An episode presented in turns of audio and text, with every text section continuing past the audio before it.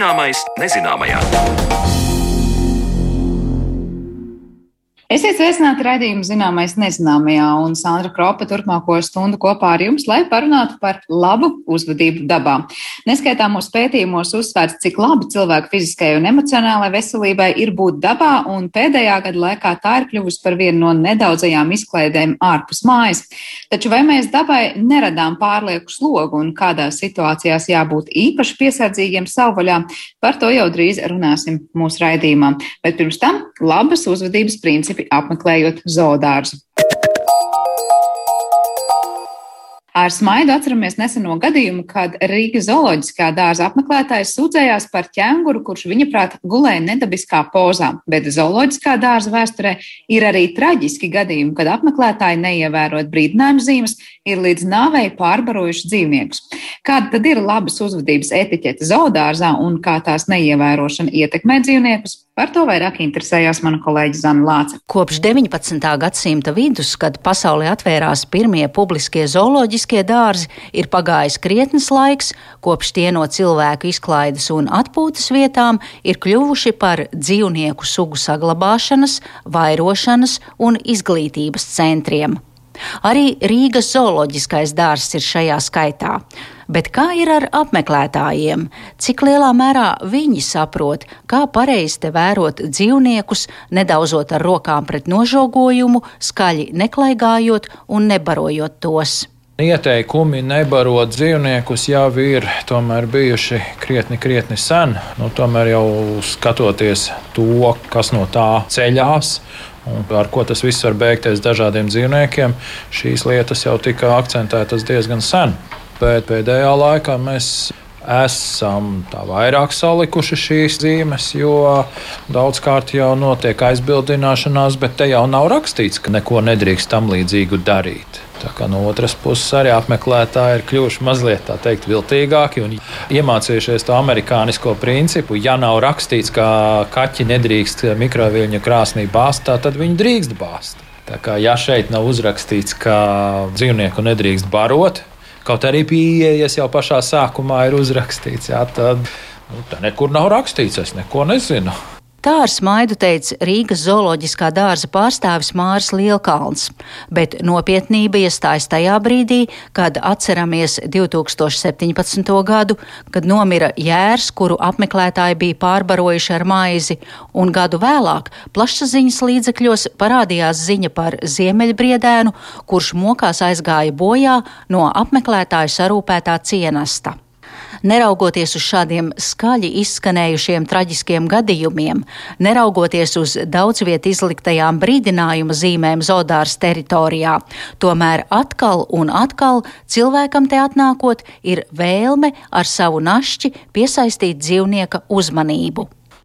Tā ir vienkārši cilvēku ļoti liela vēlēšanās būt pie tā dzīvnieka tuvāk. Otrām kārtām tas dzīvnieks, atsaucoties uz viņa barības kumos, un, nu, it kā rada uzreiz prieku tam apmeklētājam. Vēl viens iemesls ir arī mazie mini-zoodārzi, kuros šos dzīvniekus, viņu iemītniekus drīkst barot, bet tur ir tā atšķirība, ko daudzi varbūt uh, neustver. Rīgas zoodārzu apmeklē apmēram 300 tūkstoši cilvēku gadā. Mini-zoodārzā šis skaitlis ir dažām nulēm mazāks. Un, um, tur var izkontrolēt, ko baro, kas baro, cik baro. Savukārt šeit, ja piemēram nu, kaut vai desmitā daļa no tiem 300 tūkstošiem nāk ar savu kumus, ja dzīvnieks saņem pārāk daudz barības un, un, un kaut vai tās pašas vienveidīgās barības, viņš jau neēdīs to, kas ir pārējais vajadzīgs. Un tad sākās tā būtībā seku ķēdīte, ka dzīvnieks it kā ir ēdis, viņš ir kaut ko paēdis vienu, tad viņš nav paēdis visu atlikušo barības vielu daudzumu.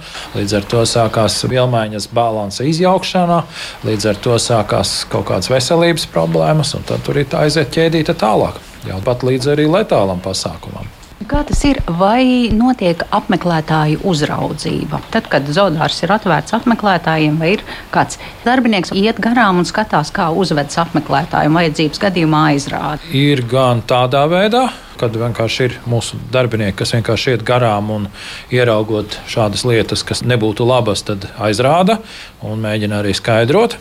Protams, ir dažreiz arī tā, ka negrib dzirdēt neko no tā visa.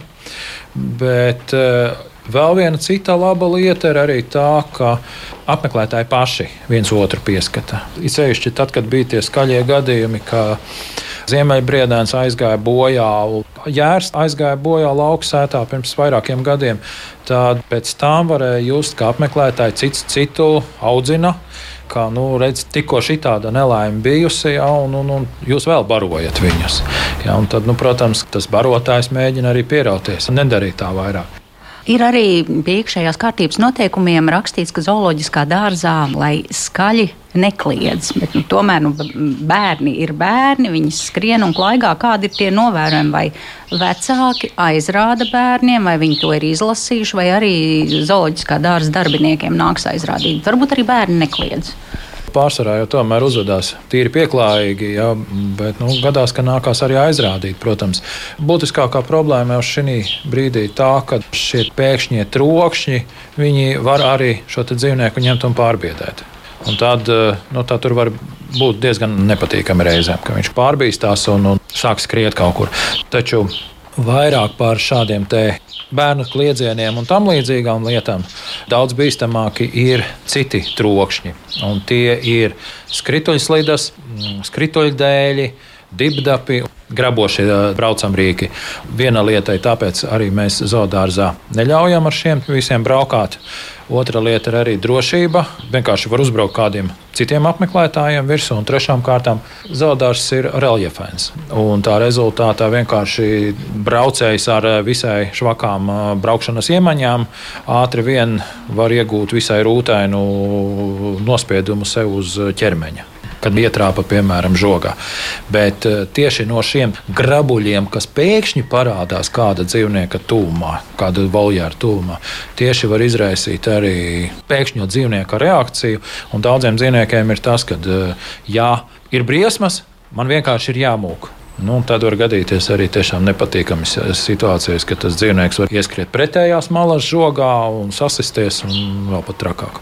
Vai ir notikuši kādi šādi gadījumi? Par laimi, nē, taču ir bijuši citi gadījumi, kad viens otram uzbrauc virsū apmeklētāji šādi ar dibdapu veidīgajiem. Kā šī situācija tiek risināta, jo tepat ir arī meža parks un ļoti daudz taču vispirms bērni izbraukājas un nāk ar tiem saviem skrejriteņiem vai cita veida braucam rīkiem vai pie kasēm, tad kas ir lūdzu atstāt, nedrīkst iet, un, un, un tad rodas problēmas. Ģimene saka, jā, bet kur tad mēs liekam to ritenīti? Nu, tad tieši tā arī ir. Pie kasēm krājās liels eh, daudzums ar šiem braucamrīkiem.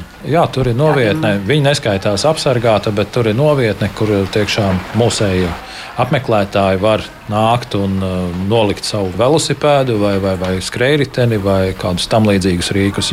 Protams, vēl viena cita problēma, ko reizē mēģina izdarīt, ka mans jau sunītis neko neizdarīs, un mans ir mazs sunītis. Mēģina ar kādu suni, piemēram, vai nu padusē, azotē vai mugursomā iešmaukt pa zoodārstu pastaigāt. Nu, tā kā arī šo jautājumu mēs mēģinām risināt, un nu, tur gan ir sarežģītāk, tur tas suns tomēr ir jāatstāj mājās. Vai cilvēki saprot, ka viņiem saka, ar skrejriteni nedrīkst ienākt, vai lūdzu ar suni atstājiet suni mājās un nāciet citreiz? Tad, kad pasakā vienkārši nedrīkst un cauri, tad, protams, ir sarežģītāk. Jā. Bet, ja paskaidro, kāpēc, nu, tad jau uzreiz cilvēks arī saprot, nu labi, jā, ok, nedarīsim tā. Un mūsdienu saziņas līdzekļi vispār šajā ziņā ir ļoti palīdzīgi, jo gan mēs sociālajos tīklos, gan arī mums raksta uz e-pasta vai zvana, ko darīt. Mēs gribam nākt uz zoodārstu, bet mums ir piemēram sunīts līdzi, vai mēs ar tādu drīkstam nākt iekšā. Jā, nu, tad mēs, protams, arī izstāstam situāciju, un, un, un tad arī, protams, suns paliek mājās, un apmeklētāji ir priecīgi arī iztaigāt zoodārstu, paskatīties mūsējos iemītniekus. Māris Lielkalns apgalvo, ka pozitīvu piemēru, kā izturēties zooloģiskajā dārzā, apmeklētāji saskatās ceļojot pa citu valstu zoodārziem, un tur noskatās labās manieres, lai dzīvniekiem ar savu izturēšanos neradītu stresu. Tomēr cilvēku izglītošana šajā uzvedības jomā ir ļoti ilgstošs process. Mēs ļoti labi apzināmies, ka šis skaidrošanas darbs ir nebeidzamais pasākums, nebeidzamā misija. Kad tu esi stāstījis ļoti daudz, un ļoti pamatīgi un plaši, un, un, un viss vairāk. Nu, kā, vai tad varētu būt vēl kāds, kas nav dzirdējis? Izrādās, ka ir jā. Un pēc tam, kad tad, uh, es beidzu šo stāstu, tad tieši konstatēju, ah, un tieši tas pats jautājums nāk atkal gaismā par to pašu tematu. Atšķirībā no cilvēku uzvedības un sapratnes zooloģiskajā dārzā, labāki rezultāti par dzīvnieku pasauli ir attiecībā uz iemītniekiem savvaļā. Māris Lielkalns uzskata, ka teju 20 gadus ilgais skaidrošanas process par to, kā uzvesties satiekot meža dzīvniekus, tomēr ir vainagojies ar lielāku izpratni no cilvēku puses. Mēs apmēram jau 20 gadus stāstām par to, ko nedarīt ar savvaļas dzīvniekiem. Respektīvi, kā viņi būtu jāatstāj tur, kur viņi dzīvo, ka viņus nevajag stiept uz mājām vai nevajag stiept uz zoodārzu, lai viņi dzīvo tur, kur viņi ir un tam līdzīgi.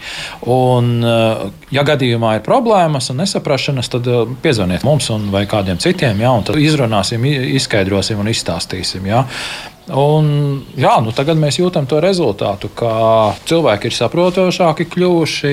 Viņi arī teiksim, tā, viens otram var paskaidrot to visu, un otrām kārtām arī netiek stiepti uz uh, zoodārzu tik lielā Puču mazuļi, ja, kur ir palikuši bez mammas. Ja, ja. Jā, šodien tieši arī reiz bija viens zvans par to, ka nu, mazais pūcēns laikam izkritis. Bet, nu, tomēr ne, nezinu, nu, ko tagad darīt man ar viņu. Nu, izrunājāmies, izstāstījāmies, sapratām, ka nevajag darīt īsti neko. Labi, ja viņš sēž zemē un nosēsties kaut kur zemē, nu, tad labi uzceliet uz zara, lai klaņojošie suņi netiek klāt. Bet nevajag citu neko darīt. Nu, un, jā, cilvēki ir kļuvuši daudz saprotošāki par to un zinošāki par to visu. Tā kā tas priecē. Par cilvēku uzvedību zooloģiskajā dārzā stāstīja Rīgas zooloģiskā dārza pārstāvis Māris Lielkalns, un ar viņu sazinājās Zane Lāce. Bet raidījuma turpinājumā mēs runāsim par to, kā atpūsties dabā, nekļūstot par traucēkli apkārtējai videi.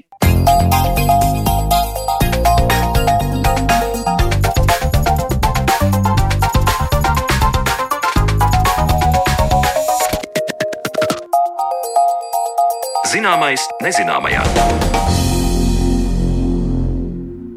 Pandēmijas ierobežojumu dēļ jau gadu vairāk cilvēki meklē izklaides un aktivitātes ārpus telpām, un dabas takas, parki, būšana mežā vai pie ūdeņiem pavasarī ir īpaši vilinoša doma brīvdienām.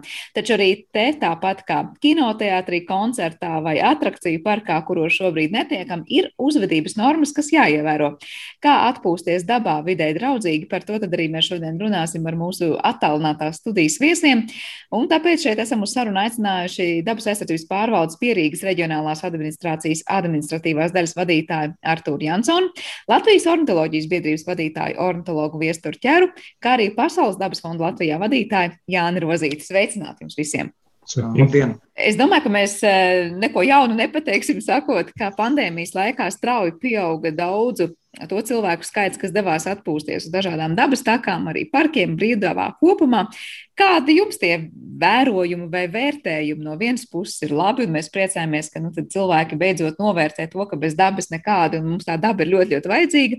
No otras puses, mēs dzirdam ar vien vairāk, ka daudz, kur varbūt cilvēku ir bijis par daudz, un varbūt aiz sevis atstāja, un, un, un tā uzvedība ir neatbilstoša, un daba cieši, ja tā var teikt, no mūsu pārmērīgas apmeklētāju plūsmas.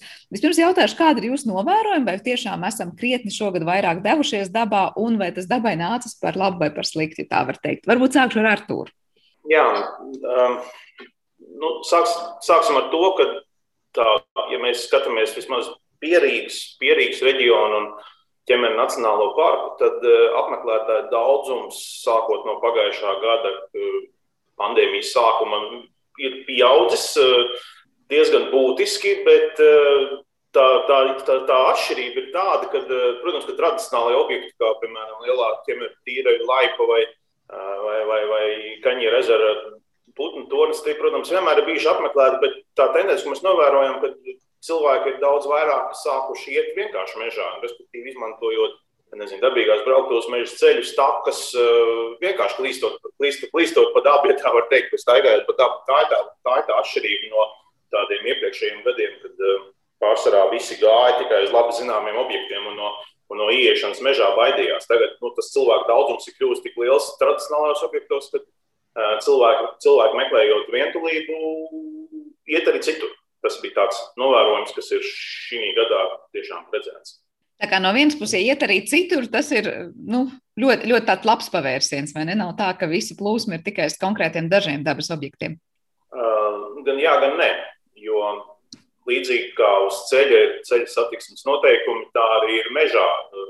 Meža, meža satiksmes noteikumi, tā teikt, pēdiņās, un šos meža satiksmes noteikumus vai iešanas dabā satiksmes noteikumus daudz cilvēki nezina. Un, uh, patiesībā pat nezinot un negribot, viņi dažreiz nodara pietiekami lielu traucējumu dabai, ja tā, ja tā to var teikt. Jo, nu, piemēram, ieplīst um, piemēram, ķemera Nacionālā parka rezervāta zonā, kur, kur principā cilvēka atrašanās uh, nav ļauta.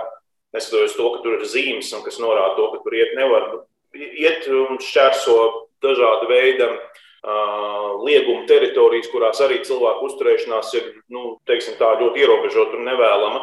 Īpaši pavasarī, kad ir, kad ir mazuļu laiks, kad ir putnu līdzdošanas laiks, tad nevienmēr tā cilvēka atrašanās konkrētajā vietā ir laba dabai. Un, un tur laikam ir tā jāskatās, cik daudz mēs, dabas aizsardzības pārvalde un, un citas nevalstiskās organizācijas, kas ir, kas ir saistītas ar šo tēmu, cik mēs spējam paskaidrot un izskaidrot, eh, ko var un ko nevar. Tāpēc jau arī laikam eh, šī, šī, šī pārraide un šis stāsts no mūsu puses. Jā, nu, protams, ne tikai šī pārēde, zinu, ka Pasaules dabas fonds Latvijā vismaz ir eh, daudz runājis un domājis un darījis, lai mums vesels ētikas kodeks, pat ja tā var teikt, būtu par diešanu dabā.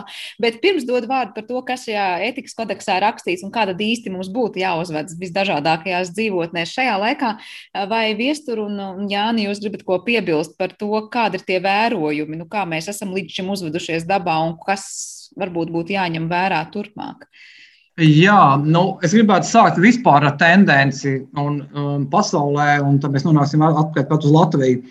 Pēc būtības jau vispār dabas turisms ir atti, sācis ir attīstīties ļoti strauji pēdējo 50 gadu laikā. Un, ja mēs šobrīd ar Covid, ar Covid kontekstā to izjūtam Latvijas gadījumā, tāpēc ka Latvija ir nu, raksturīgā valsts, kur mēs ikdienā, citos gadījumā, citā gadījumā mēs būtu devušies ārpus valsts dažādos ārvalstu braucienos, un šobrīd, nu, ierobežotas mobilitātes apstākļos, mēs vairāk dodamies Latvijā.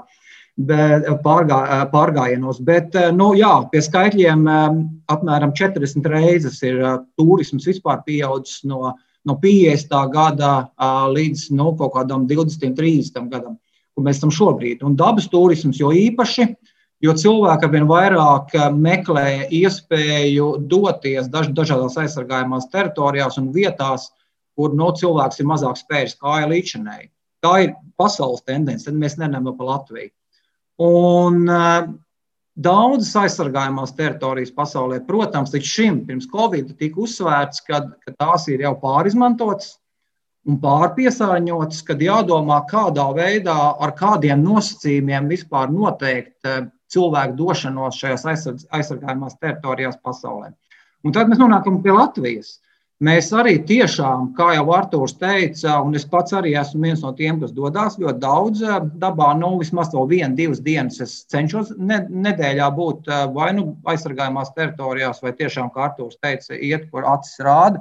Protams, gan es cenšos iet um, pa dažādām dzīvnieku takām vai par, par, par augtuvēm. Uh, Bet uh, skaidrs tas, ka, uh, ka tas, tas, ko es sastopos, purvi, meži, pļavas, ir tiešām ar cilvēku pārpildīti. Un, bet to jau mēs arī redzam mēdījos. Eh, veselības eksperti, veselības institūcijas, valsts augstākās amatpersonas aicina dodoties dabā. Un tad nu, mēs nonākam pie tava jautājuma sākumā, nu, ko tas nozīmē. Es vienmēr esmu teicis, kad, ka tas ir ļoti pozitīvi cilvēku skaita pieaugums dabā, jo es vērtēju to pozitīvi tik tālu, kad es ceru, ka cilvēkam augot tam vērojumu skaitam, attīstoties pozitīvām pieredzēm, sajūtām dabā, mēs varam cerēt, ka pakāpeniski mainīsies cilvēka attieksme pret dzīvo dabu. Un, ja mēs zinām, ka dzīvā daba šobrīd ir, nu, teikt, numur viens globāla problēma no vidas viedokļa, tad katrs veids, kā cilvēks kaut ko uzzina, mēs ceram, ka viņi pārnesīs ļaudis, pārnesīs to arī uz savu īpašumu, apsaimniekošanu, savus novērojumus un iespējams vispār uz ikdienas izvēlēm. Bet tas, kur tie cilvēki ir vairāk, un ar to jau pieminējās, nu, skaidrs ir tas, ka pieaugot fonam, ainavā, meža apsaimniekošanas, no nu, tām pašām kailciešu īpatsvaram, intensīvai lauksaimniecībai, cilvēki dodas aizsargām teritorijām. Un tad nu, mēs nonākam pie tā, pieaugot cilvēku skaitam, pieaug arī negatīvās ietekmes. Un, un bez tiem jautājumiem, ko mēs visi zinām, klasiskiem atkritumiem, Un to mēs esam ļoti cieši ar dabas aizsardzības pārvaldi strādājuši jau pēdējos gadus. Un šobrīd arī Latvijas Vidusjūras fondu mēs cenšamies iet vēl plašāk, un to jau Arthurs vairāk kārt pieminēja, kādi ir tie noteikumi, kādi ir tie ceļu satiksmes noteikumi, dodoties dabā. Un tur nu, tas tiešām tas jautājums klāsts ir daudz plašāks par atkritumiem, ko laikam nu, mēs esam diezgan daudz visi jau runājuši pēdējos gadus vai pat desmit gadus. Un kaut kas ir izdevies, un kaut kas noteikti nu, vēl būs darāms daudz šo jautājumu. Jā, par atkritumiem es domāju, nu, ka te, es ceru, ka katrs mūsu klausītājs ir dzirdējis, un tas nebūs nekas jauns. Ja teiksim, visu, ko aiznesām, ejot dabā, tad arī iznesīsim ārā, tad neatstāsim atkritumus nu, ne mežā, ne jūrā, ne nekur citur, kur mēs dosimies. Bet eh, tas, ko Artūrs jau pieminēja, ka ir šie te, nu, noteikumi, kā uzvesties, un arī mēs par putniem droši vien daudz varam runāt, bet ne tikai.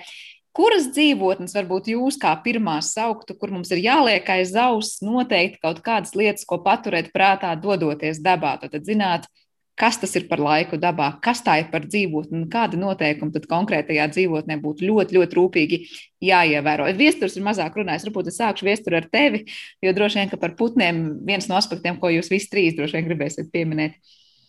Jā, putni kopumā droši vien ir, ir mazliet garāks stāsts, bet atbildot uz tieši jautājumu par to, kādās dzīvotnēs jāpieiet īpaši rūpīgi, ir. Nu, es, es vienkārši teiktu, un es ceru, ka man kolēģi neoponēs, ka mums ir saudzīgāk jāizturās pret tām dzīvotnēm, kur mūsu klātbūtne ir retāk redzama ikdienā. Jo mēs zinām, ka mēs varam dabu vērot arī pilsētā, gan putnus, gan, gan citu dzīvo radību un pilsētā. Uh, putni un, un citi dzīvnieki ir vairāk pieraduši pie tā, ka mēs visur bradājam, trokšņojam un, un visādi citādi izpaužamies. Bet, nu, teiksim, jau pieminētās rezervātu zonas, nevelti ir rezervātu zonas, lai mēs tur neieklīstu, bet arī tādās vietās, kur it kā ir atļauts iet, bet kur cilvēki reti iet, nu, tur vajadzētu izturēties īpaši uzmanīgi, īpaši klusu. Uh, Un, un otrs aspekts, uz ko raudzīties, būtu, nu, cik vispār mēs tur to dzīvību redzam. Jo, ja mēs tagad iebrienam tādā rapšu laukā, kur, kur neviens cīrulis gaisā nedzied, nu, tad arī diez vai mēs tur kādam kaut ko skādēsim. Bet uh, faktiski visur citur šajā laikā kāds uh, putns uh, kaut kur liksdo, un es kā ornitologs varbūt uzsver putnus. Tāpēc, nu, kopumā ņemot, vispār šis būtu tas laiks, kad dabā iet klusu un aizmirst to mūsu vecāku teicienu, ka nebļauj neesi mežā, jo eh, nu, pilsēta varētu būt eh, vienīgā vieta, kur bļaustīšanās varētu būt eh, pieļaujama. Jo mežā bļaušana nozīmē to, ka vai nu tu esi briesmās, vai tu pats esi briesmas, un, un līdz ar to tas uh, rada, rada stresu visiem mežiem mītniekiem. Jā, es pieņemu, ka šajā gadījumā nav stāsts tikai par putniem, tad nevēl piesaukt visus meža iemītniekus. Bet, ja runājam par putniem, es saprotu, visvairāk nu, mēs varam nodarīt tās briesmas tajā brīdī, ja ir likstošanas sezona un mēs varbūt pārāk tuvu esam un pārāk skaļi pienākuši kādam putnam, kurš šobrīd, kā saka, ir savā ligzdā, un tad, nu, vai nu briesmu gadījumā tur pamat tos mazuļus, vai vispār neizdēļ līdz galam tās mazuļus. Varbūt varat nedaudz pastāstīt sīkāk, kur ir tieši tie, nu, tie bīstamības aspekti, kā mēs varam traucēt putnu liksdošanu šajā laikā? Uh, nu, viens ir tieši tas, ko tu jau minēji, uh, troksnis, kas putnus izbiedē. Uh, un, līdz ar to, jo, jo tuvāk likstošanas sezonas sākumam, jo lielāka iespēja, ka viņi pametīs līgstas. Nevelti mēs arī runājam par to laiku, ka mēs runājam par to, ka šajā laikā nevajadzētu veikt mežstrādi, jo no tā cieši arī tie putni, uh, Eh, kur līgas izpostīts fiziski netiek, jo viņi vienkārši tiek izbiedēti ar troksni. Tad, kad vēlāk ir lielāki mazuļi, tad viņi ir ieguldījuši jau tik daudz eh, resursu, ka tik viegli nepamet. Eh, bet nu, ir arī otra lieta.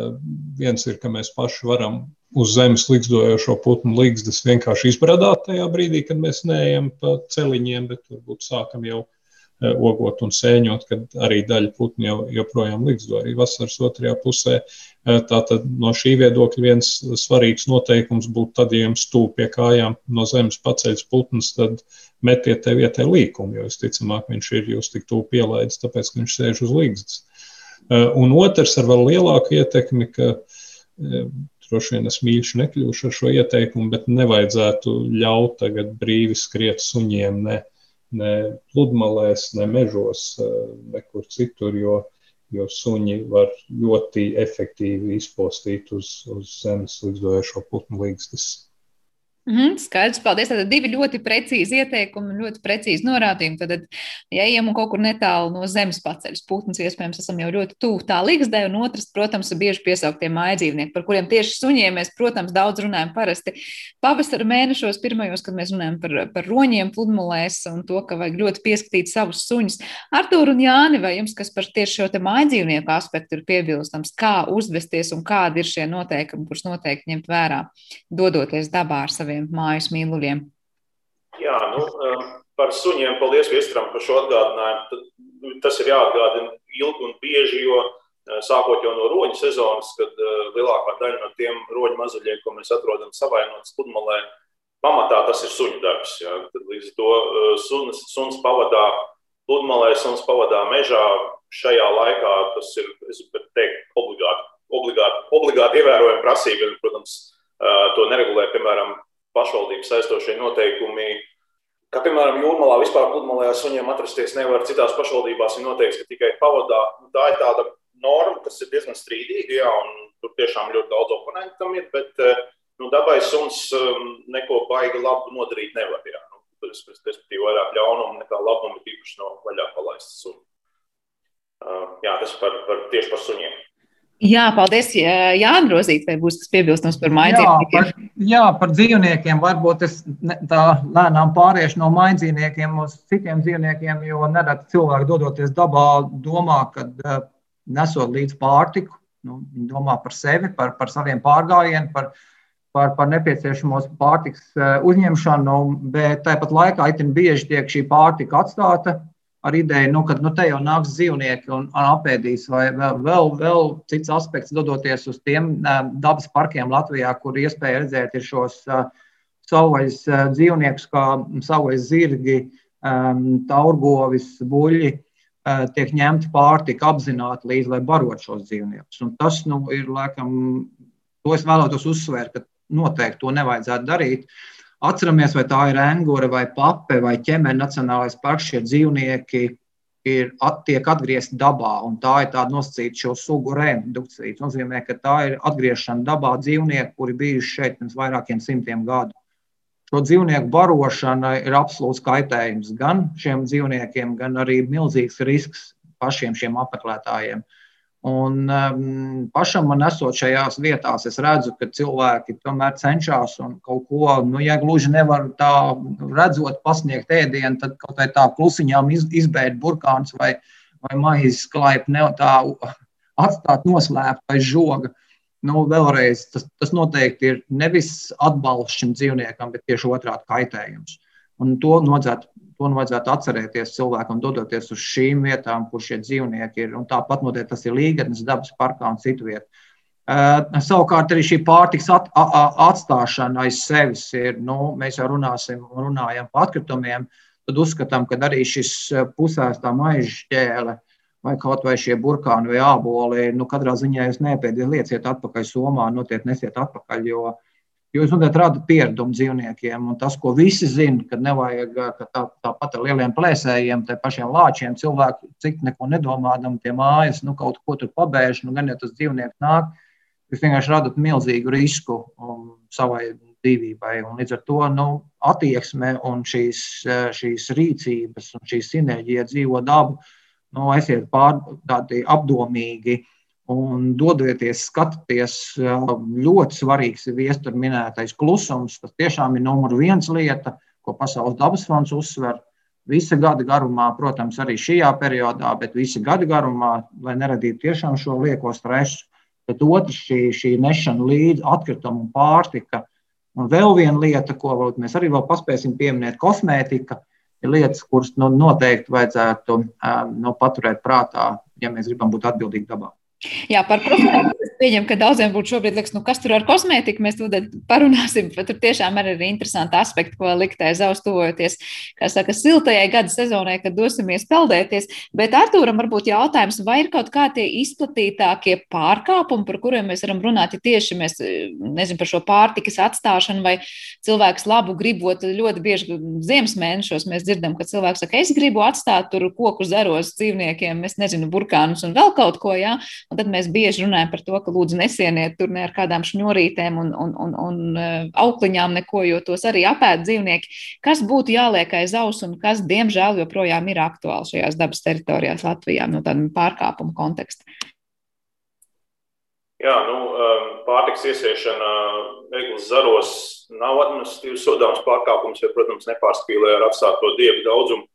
Bet uh, tie tradicionāli pārkāpumi patiesībā viņi Tāpēc viņi ir tradicionālie, jo viņi atkārtojās gadu no gada, no teritorijā no teritorijas. Un, un, um, sākot ar, ko gan grūti pieķert, bet eh, pēdējā laikā, ja mēs tā nedaudz par atkritumiem jau parunājām, tad uh, patiesībā tā mūsu iniciatīva, mūsu Pasaules dabas fonda iniciatīva par šo, ko to aiznes, uh, Viņa deva zināmas rezultātus, un man, man jāatzīst, ka vismaz ķemēra Nacionālajā parkā atkritumu daudzums turismu takās ir būtiski samazinājies, īpaši tur, kur ir novāktas atkrituma urnas.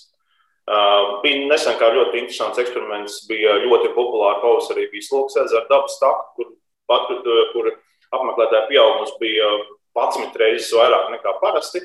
Un tur mēs tieši to izdarījām. Tur bija maza atkrituma urna stāvlaukumā, kur mūžīgi bija pārpildīta man atkritumu iznēsāt pa mežu, jo to dara pa, pa, pa, parasti putni, tad, kad viņi tiek klāt pie šiem pārtiks atkritumiem un, un tā iepakojuma. Tad, tad tagad novācot šo urnu, atkritumu tur vairāk nav. Man darbinieki brīnās, kā tas vispār ir nostrādājis, bet laikam tomēr tas ir princips, ka, ja nu nav tās urnas, tad laikam cilvēks tomēr paņem, nu, tad jābūt ļoti nekaunīgam, lai vienkārši nomest zemē, tad pārsvarā tomēr paņem līdzi.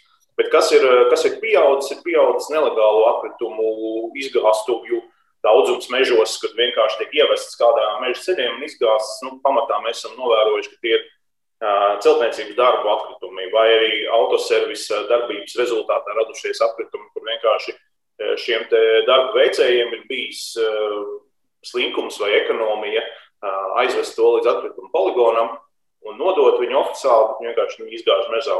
Tādus ļoti grūti pieķert, jo Neskatoties to, ka mēs cenšamies izlikt gan, gan kameras un mēģināt tos, tos tradicionālās vietas noķert, nu, viņi arī cilvēki, ka tas ir diezgan slīpēti. Viņi arī saprot, ka viņus var novērot un, un noķert. Un tad, tad, tā ir tā diezgan grūta cīņa, lai, lai vispār šādas nelegālos atkritumu izgāzējus pieķertu. Kas, kas noteikti ir sodāms un kas noteikti nebūtu veicināms ne tikai šī klusuma periodā vai šī mazuļa periodā, bet principā gan visu caur gadu tā ir. Nu, tur mēs arī esam saņēmuši diezgan daudz oponentu iebildes par to, ka mēs, neļauj, mēs ierobežojam kādu grupu intereses, bet tas ir uh, motocikli, kvadrcikli. Um, viena lieta, ja to motociklu vai kvadrciklu pārvietojies no punkta A uz punktu B, no viena apskates objekta uz otru, brauc pa puplietošanas ceļu, uh, un, un, un tu nerīko ātrumu sacīkstes mežā, tas ir viens, bet nu, ir zināma grupa ar, ar šiem motobraucējiem, kuri brauc neievērojot nekādus noteikumus, tā skaitā arī ārpus ceļiem, kas ir aizliegts.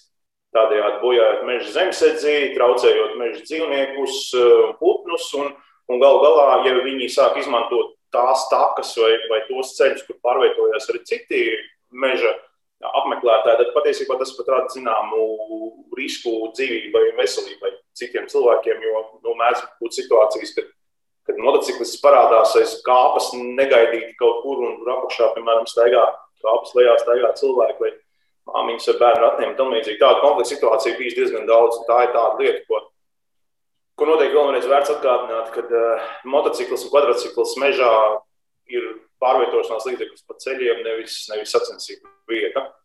Tur, tas, tas, ir, tas, tas ir noteikti. Nu, protams, kad sākās ogu sēņu sezona, kad sākās uh, ogu ieguves uh, tur, kur, tur, kur nav ļauts lasīt, tad ir šie pārkāpumi. Tā kā uh, atkritumi, moto, uh, nelegāls uh, dabas velšu ieguves, tie laikam ir tādi tradicionāli. Malu zvejniecība, malu medniecība, jo nu, tas, tas, tas pats par sevi. Jā.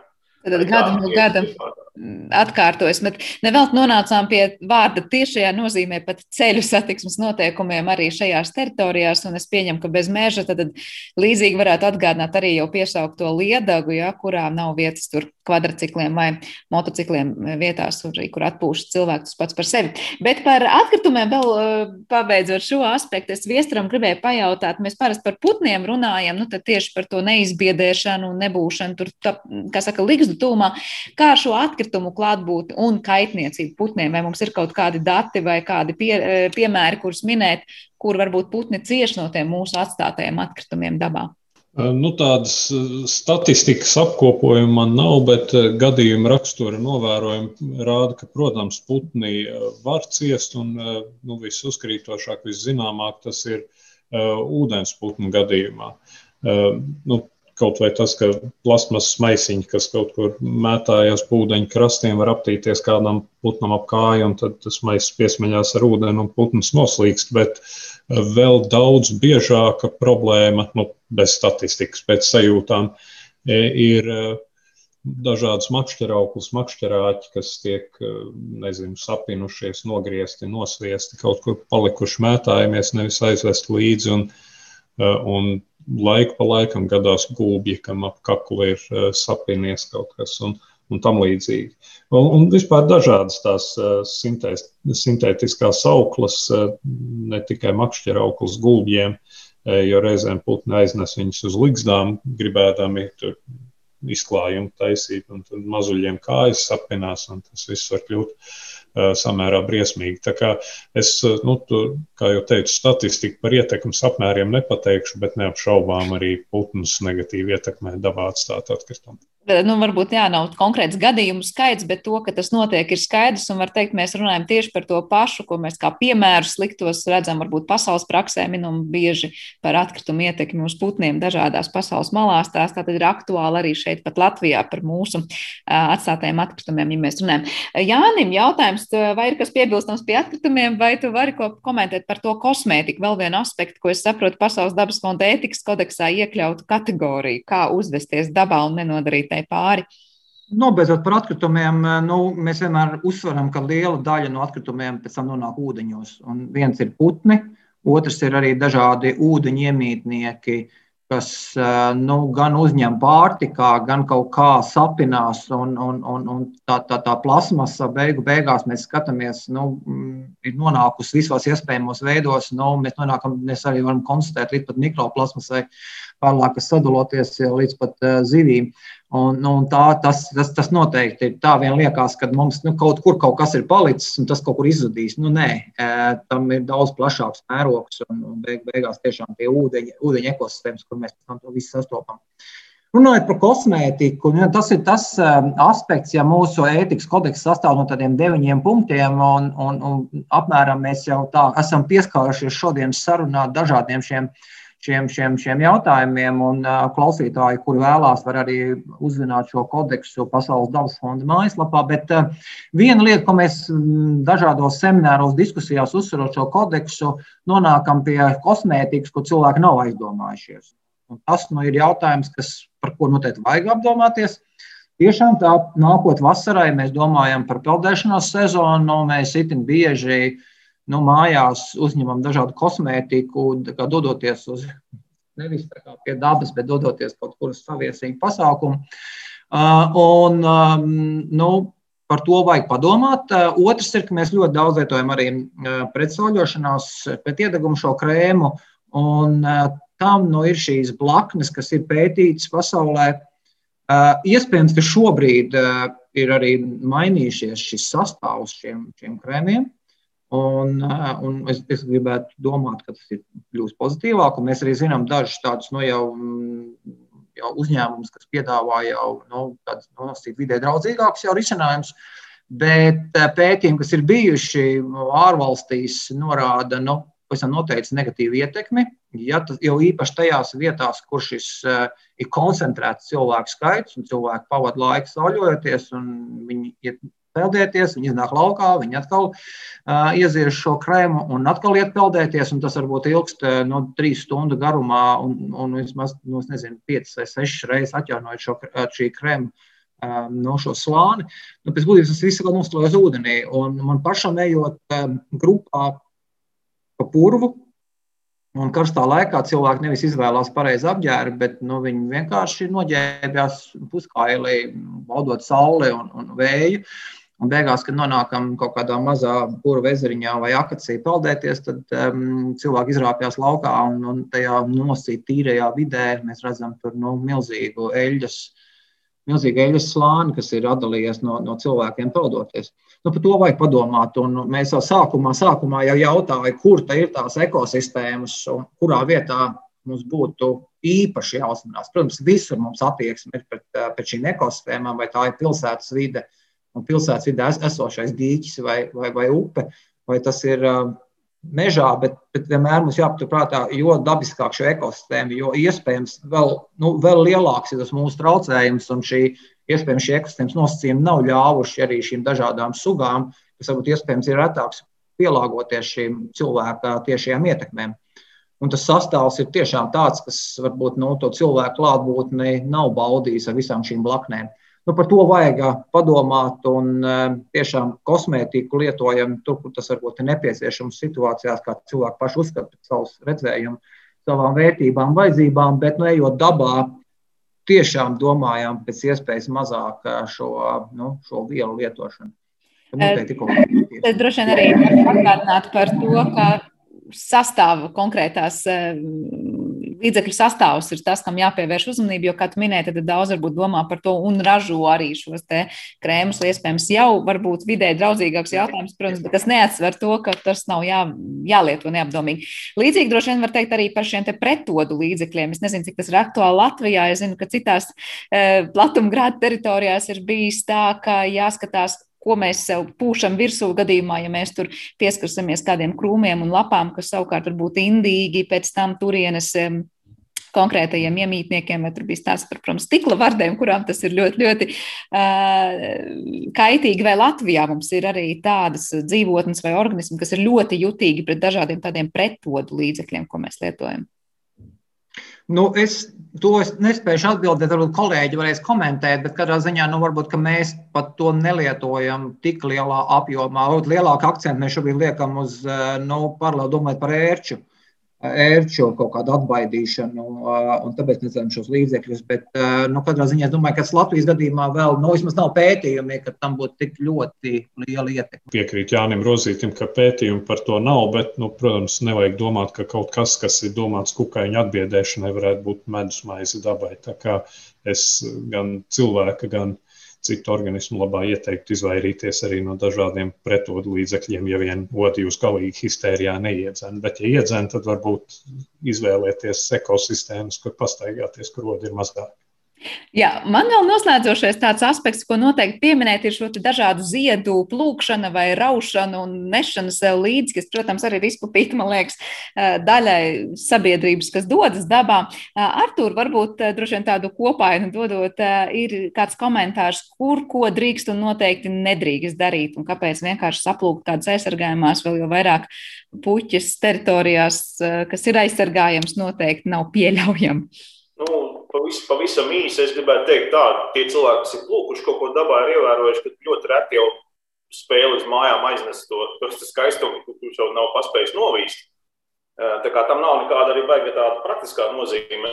Labāk baudīt to, to iziedojušo puķi dabā, nevis mēģināt ņēsties uz mājām, tur nekas labs nesanāks. Bet, bet kopumā es gribētu teikt tā, nu, augu daudzveidība ir tik liela, ka diez vai tāds vidusmēra cilvēks iedziļināsies tik ļoti, lai atšķirtu aizsargājumu no neaizsargājumu. Es gribētu teikt, tā, nu, baudiet to ziedu, tur, kur viņš ir, un neplūciet viņu. Nu, tad, tradicionāli jau parasti ir Jāņu laiks, ir tad, kad uh, no pļavām tiek nolasīts viss, viss vērtīgās jā, jā, Jāņu zāles, kur lielākā daļa ir aizsargājamas. Un, uh, un otrs, mums vismaz ķemenes parkā ir lakšu me, meža lakšu laiks, kad arī tas tiek lūgts. Un, un to ir diezgan grūti cīnīties, jo tas cilvēks, kas pārdod viņus pēc tam uz tirgus, apgalvo, ka uh, viņš ir izaudzējis un piemēram dārziņā un nav plūcis mežā. Tad, tad atšķirt viņus īsti nevar. Tad nevar arī kā, uh, piesiet liekvietā. Ja. Tā kā es gribētu teikt, tā baudiet augus viņu dabīgajā dzīves vidē, tādā brīdī, kad viņi zied kopā ar bet nevis mēģinām aiznest uz mājām. Tā ir ar pilsētu vidi. Arī pilsētas dažādas tur ceriņus un citus apstādījumus mēs nedrīkstam aiztikt. Tas ir jāliek cilvēkiem aiz auss, vai tur ir, kā saka, netik strikti nosacījumi, vismaz nu, likumiski. Uh, baidos, ka es nevarēšu tik precīzi to komentēt, bet tur, tur drīzāk lielāks konflikts var sanākt šo apstādījumu īpašniekiem, apsaimniekotājiem. Galā viņš ir ieguldījis darbu naudu, lai tas apstādījums izskatītos kā tāds viņš ir. Viņš noteikti neaudzē ne puķis dobē pilsētas apstādījumos, ne, ne ceriņus ceļu malā, tāpēc, lai viņus apgrieztu. Ja, nu. Vēl jau vairāk, lai kāds cits to darītu. Jā, nu, es, es saku par likumisko pusi, es varbūt neņemos komentēt, bet no tāda īpašnieka viedokļa vai ne, apsaimniekotāja viedokļa Tas nebūtu nav prātīgs darbs. Jā. Jā, paldies par šo atbildi. Jā, nu mēs liekam punktu mūsu sarunai, bet es saprotu uh, to, ka pavisam noteikti baudīsim skaistumu dabā, nenesot to līdzi uz mājām, jo tieši tā jau ir tā dabas došanās burvība. Bet noslēdzošais vārds Jānim, jo, jo es zinu, ka Pasaules dabas fonds jau piesauc šo ētikas kodeksu, tad tu minēji, to var atrast Pasaules dabas fonda mājaslapā. Tur tie aspekti ir ļoti dažādi, sākot no tiešām jau ko plūkt, ko neplūkt un kur kā uzvesties līdz pat dabisko vajadzību nokārtošanu arī šāds aspekts ir mm. minēts. Jā, par plūkšanu, neplūkšanu varbūt mums nav precīzi, precīzi pateikts, jo, kā jau Arthurs teica, tie ir vairāk simti ziedaugu un papāžaugu sugu, kas Latvijā ir, un tiešām dažām sugām vajadzīgi daudzi gadi līdz ziedošam augam, un no miljonu sēklu izaug tikai daži augi. Līdz ar to tā atbildība mums ir īpaša, un tur dažādi apstākļi sakritība, lai vispār uzziedētu uguns, mitrums, noēnojums, saule. Un, ja, nu, mēs itiem bieži ejam un tikai ziņkārības pēc gribam, gribam noraut. Vairāk mēs šajā līmenī aplūkojam un ļaujam cilvēkam pašam aizdomāties un saprast. Un tiešām arī tie aspekti ir dažādi, un kā jau, kā jau es teicu, deviņi, un tu pieminēji arī šī, šī tolete. Tad viss tas ir iekļauts šajā ētikas kodeksā, dabā ejot, domājot, ka mēs esam atbildīgi pret apkārtējo vidi. Jā, paldies liels par šo atgādinājumu un par šo sarunu. Atgādināšu klausītājiem, ka šajā raidījuma pusstundā mēs tikāmies ar dabas aizsardzības pārvaldes pierīgas reģionālās administrācijas administratīvās daļas vadītāju Artūru Jansonu, Latvijas ornitoloģijas biedrības vadītāju ornitologu Viesturu Ķeru, kā arī Pasaules dabas fonda vadītāju Latvijā Jāni Rozīti. Nu, ko būsim atbildīgi, un tā tad atgādināšu, ka šis ētikas kodeks atrodams arī Pasaules dabas fonda Latvijā mājaslapā. Paldies visiem par klausīšanos un uz tikšanos!